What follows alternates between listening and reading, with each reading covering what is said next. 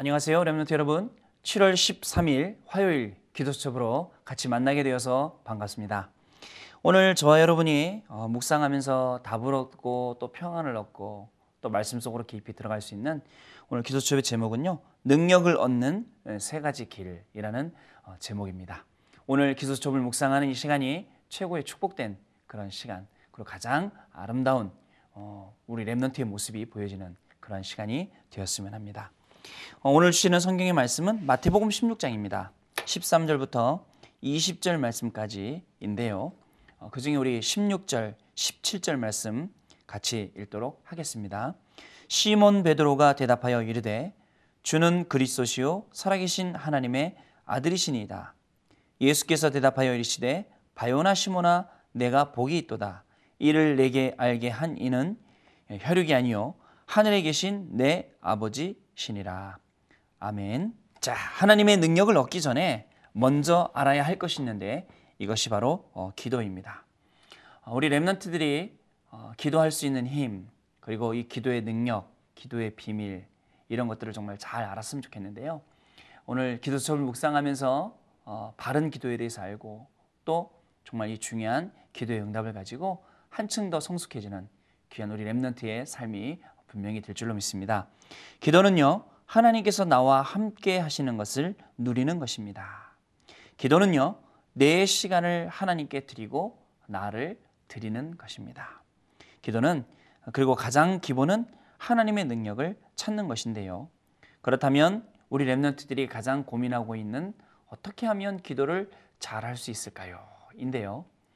오늘 정말 기도에 대한 어, 많은 답을 얻는 그러한 그리고 또 정확하고 확실한 답을 얻는 어, 그러한 시간이 어, 되시기를 바랍니다. 첫 번째입니다.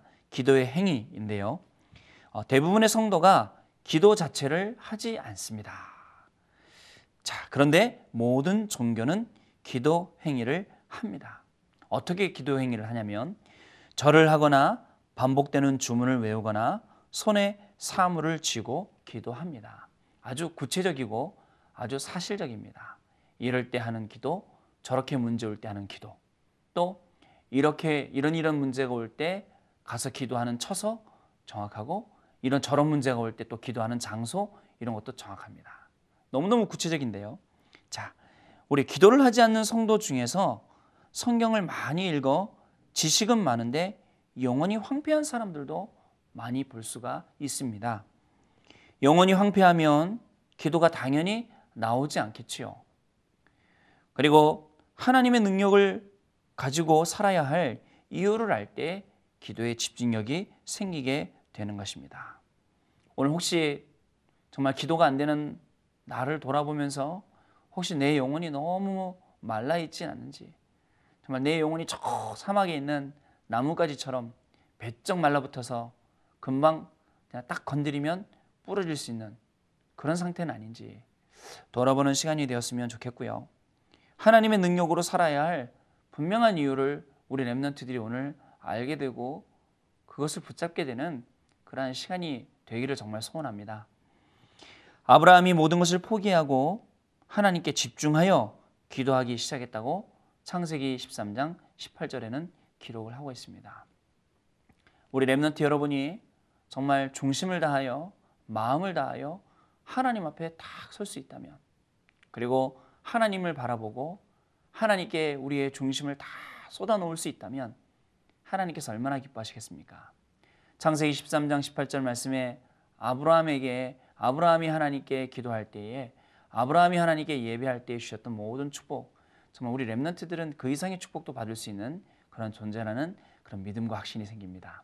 오늘 정말 하나님 앞에 가식적인 모습 말고 정말 보여지려고 애쓰는 모습도 말고 하나님 앞에 우리 자신이 정말 조용히 서서 하나님과 깊은 교제를 나눌 수 있는 그런 시간이 오늘 되기를 바랍니다.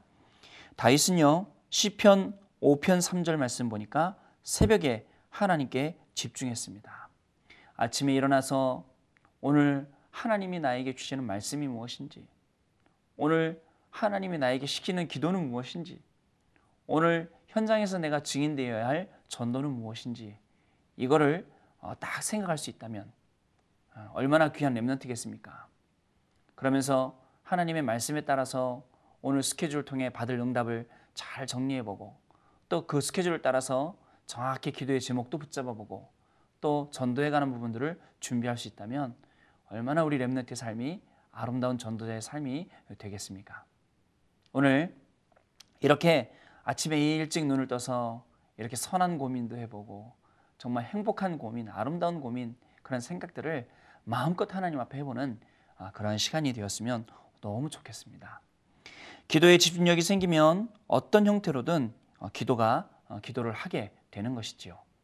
두 번째입니다. 기도의 길인데요. 첫째, 내 생활의 중심축을 하나님께 두는 것.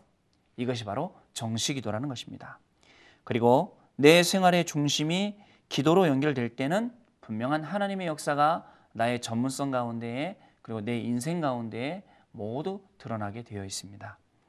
잠깐이라도 좋습니다.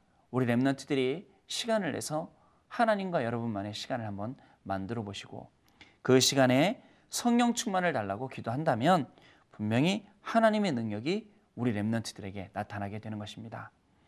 둘째로 복음과 전도를 누리는 기도입니다. 복음을 누리는 기도를 계속하면 내 모든 것이 복음과 연관되어 하는 일이 정복되고 성공에 이르게 되고 유일성의 응답을 누리게 되는 것입니다. 복음을 여러분들 학업 가운데 전문성 가운데 모든 하는 일 가운데 그리고 모든 만남 가운데에 모든 여러분들이 가는 현장 가운데 누려보시길 바랍니다. 그러면 복음을 누리는 만큼 중요한 응답들이 여러분들에게 계속 만남 속에서 일 속에서 현장 가운데서 분명히 돌아오게 되어 있습니다. 셋째로 깊은 기도를 하면 반드시 능력이 오게 됩니다. 문제가 있거나 중요한 일을 앞두고 있을 때에 집중해서 기도하면 특별한 응답이 오게 되어 있습니다. 그렇습니다. 우리 랩런트의 기도는 이렇게 힘 있는 기도요, 응답 있는 기도요, 아주 귀한 기도입니다. 우리 랩런트 여러분들이 정말 하나님 앞에 서서 세계복음을 위해서 기도하고 여러분 가는 모든 현장을 위해서 기도하고 이제 끝난 겁니다. 이런 중요한 기도를 드릴 수 있는 여러분들의 기도 이것이야말로 우리 랩런트들이 하는 가장 멋있는 가장 아름다운 것 아닌가 저는 이렇게 생각이 됩니다. 셋째로 기도 속에서 판단입니다. 평상시에 능력을 얻는 기도의 축복이 된다면 우리의 판단은 응답으로 연결되게 되어 있습니다. 어, 날마다 나의 정체성을 붙잡고 갱신을 하면 역사가 일어나게 됩니다. 뭐든지 잘하는 어, 뭐든지 주어진 대로 다 잘하는 사람은 없을 것입니다. 그래서 하나님 앞에 기도하면서 스스로를 안 되는 부분들을 또 갱신하고 또 갱신하고 하나님의 새로운 역사를 간구하고 하나님의 능력을 자꾸 달라고 하면 하나님께서는 갱신할 수 있도록 그리고 여러분들의 습관이나 여러분들의 체질이나 이런 것들이 전부 다 세계복음할 수밖에 없는 습관과 체질로 하나님은 분명히 바꿔주실 것입니다. 그리고 문제가 올 때 기도의 힘을 누리고 있으면 문제를 전부 축복으로 만들게 됩니다. 대부분 많은 사람들이 문제를 축복으로 만들지 못하고 오히려 문제 아닌 것도 저주로 만들고 문제 아닌 것도 완전히 재앙으로 만들고 어려워지는 걸 보면서 우리 랩런트들 문제가 있습니까? 문제는 잠깐입니다. 그 잠깐 동안에 하나님이 주시는 이 중요한 축복을 누리시길 바랍니다. 그러면 문제 가운데에 모든 것들이 하나씩 하나씩 바뀌어져서 하나님의 축복으로 다가오고 앞으로 미래의 중요한 발판으로 다가오게 된다는 사실 꼭 잊지 말고 오늘도 이 축복을 누리시게 되기를 바랍니다. 하나님의 계획이 분명하다면 분명하다는 응답이 왔을 때에는 모든 생을 걸고 거기에 집중을 다하는 것입니다. 아, 이게 맞구나 싶으면 그때부터 전성역을 내서 그 길을 가는 것입니다. 바울은 전도 때문에 감옥에 갈 만큼 어려움을 겪었지만 모든 생을 걸었고 기적을 체험을 했습니다. 기도 속에서 오늘도 여러분들의 모든 일이 나오고 기도 속에서 여러분들의 모든 학업이 나오고 기도 속에서 여러분들의 모든 만남이 오늘 되어지고 또 기도 속에서 모든 여러분들의 현장을 가게 되는 그런 귀한 시간 되기를 바랍니다. 오늘 기도첩을 묵상하면서 정말 오늘 하나님이 우리 나에게 주시는 중요한 일들, 만남들, 현장들 이런 것들 하나씩 하나씩 떠오르면서 하나님의 계획을 찾고 또 하나님의 소원을 위해서 기도하는 그러한 귀한 렘넌트의 하루가 분명히 될 줄로 믿습니다. 오늘 포럼의 주제입니다.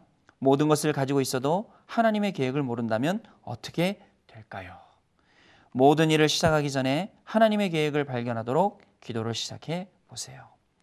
오늘 일 가운데 있는 하나님의 계획, 또 만남 가운데 있는 하나님의 계획, 그리고 여러분들 가게 하시는 그 현장 가운데 있는 하나님의 계획이 발견되어지고 복음을 깊이 누리며 그로부터 오는 많은 응답들을 사실적으로 가지고 증인으로 서게 되는 최고의 축복된 하루가 분명히 될 줄로 믿습니다. 기도하겠습니다. 하나님 감사를 드립니다.